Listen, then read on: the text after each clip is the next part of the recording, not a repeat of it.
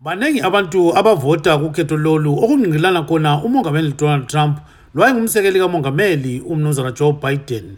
Sokulabantu abedlula izigidi ezilikhulu 100 million asebevote kukhetho lolu besebenzisa iposo lendawo zokuvotela.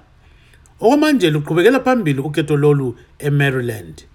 Umnumzana eric ludeke umkhokheli we-house of delegates emaryland ubephandle kwenye indawo yokuvotela emontgomery county uthi abantu bavota okumangalisayo I'm here to help out. I'm actually not up for election myself this year, but I'm here to help out other candidates, including Joe Biden and Kamala Harris. Look, I, I have never seen this much energy in an election in my lifetime. People are excited to vote, they're excited to change America. We have seen the largest early voting and mail in voting turnout in Maryland's history so far, and that's true in states across America. omele ibandla lama-republicans emaryland ubekhankasa endaweni le umnumzana joseph gillen uthi kuhle ukuthi abantu bayavota kodwa akumelanga balwe Very crucial because it's uh, two different worldviews that people are, are projected by the parties. It's not just about two individuals. You know, they'll come and go, but it's about two different worldviews on the uh, which, which what direction the nation should go in the world. Some people are very emotional and tensions get high. I hope I hope not. I pray that it's not and that it's minimized. We're never going to agree on everything, and every couple of years we're going to have these contests, and that's a good thing. But at the same time, it, we shouldn't be so uh, hung up on uh, the our, our views and our, what we think of the other side that we can't get along in the meantime. omunye wabavote kukhetho lolu ngunkosikazi priscilla ndlovu odabuka kwele zimbabwe ohlala eseattle ewashington mina kimi okuqakathekileyo ukuthi itikiti likaBiden lilomama ongumuntu omnyama oba oza kuba ngu-vice president. Kimi lokhu kuqakatheke kakhulu ukwedlula zonke izinto.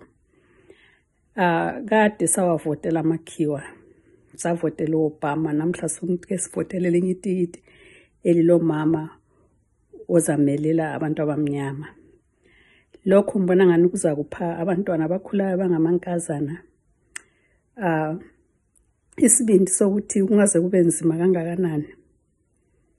Izinto zingaze zibe nzima kodwa kukhona okunye okuba okwenzakalayo loba kunzima kunjalo. Omunye njalo odabuka ezimbabwe umnumzana mark tuma uthi kuqakathekile kakhulu ukuthi abantu bavote kukhetho lwemelika. Olufikile usuku usuku olukhulu ekade sililindile olokukhetha ukuvota. Sikuleli lizwe elikhulu le-amerika bekukuhle bahlale zulu ukuthi sihlangane. Emalayinini sisiyavota. Sivota ngokuhlakanipha sikhangele ukuthi okusincedayo okusixhasayo empilweni yikuphi ngubane yiliphi iqembu kulamadoda. Lapha eTexas ngapha eFort Worth lapha engikhona sisalwa ngoba kakufani labanye ama-metro ase-houston labo se-dallas osan antonio labo Houston labo austin abangane sebelungisile yabo indlela eyethu sisayihlahlela. Kodwa siyayilungisa. Ngakho-ke ngiyalikhuthaza madoda ukuthi please join us bomama labo baba labantwana ukuthi sihlangane kule nto singayo kulabanye abantu abathi kungaba lokudlakela sokwenziwe ukhetho lolu. Okumele anqobe kukhetho lukamongameli kumele athole lokho kuthiwa ngama-electoral votes afika 270 ngimele istudio 7 ngise-maryland ngingukip stube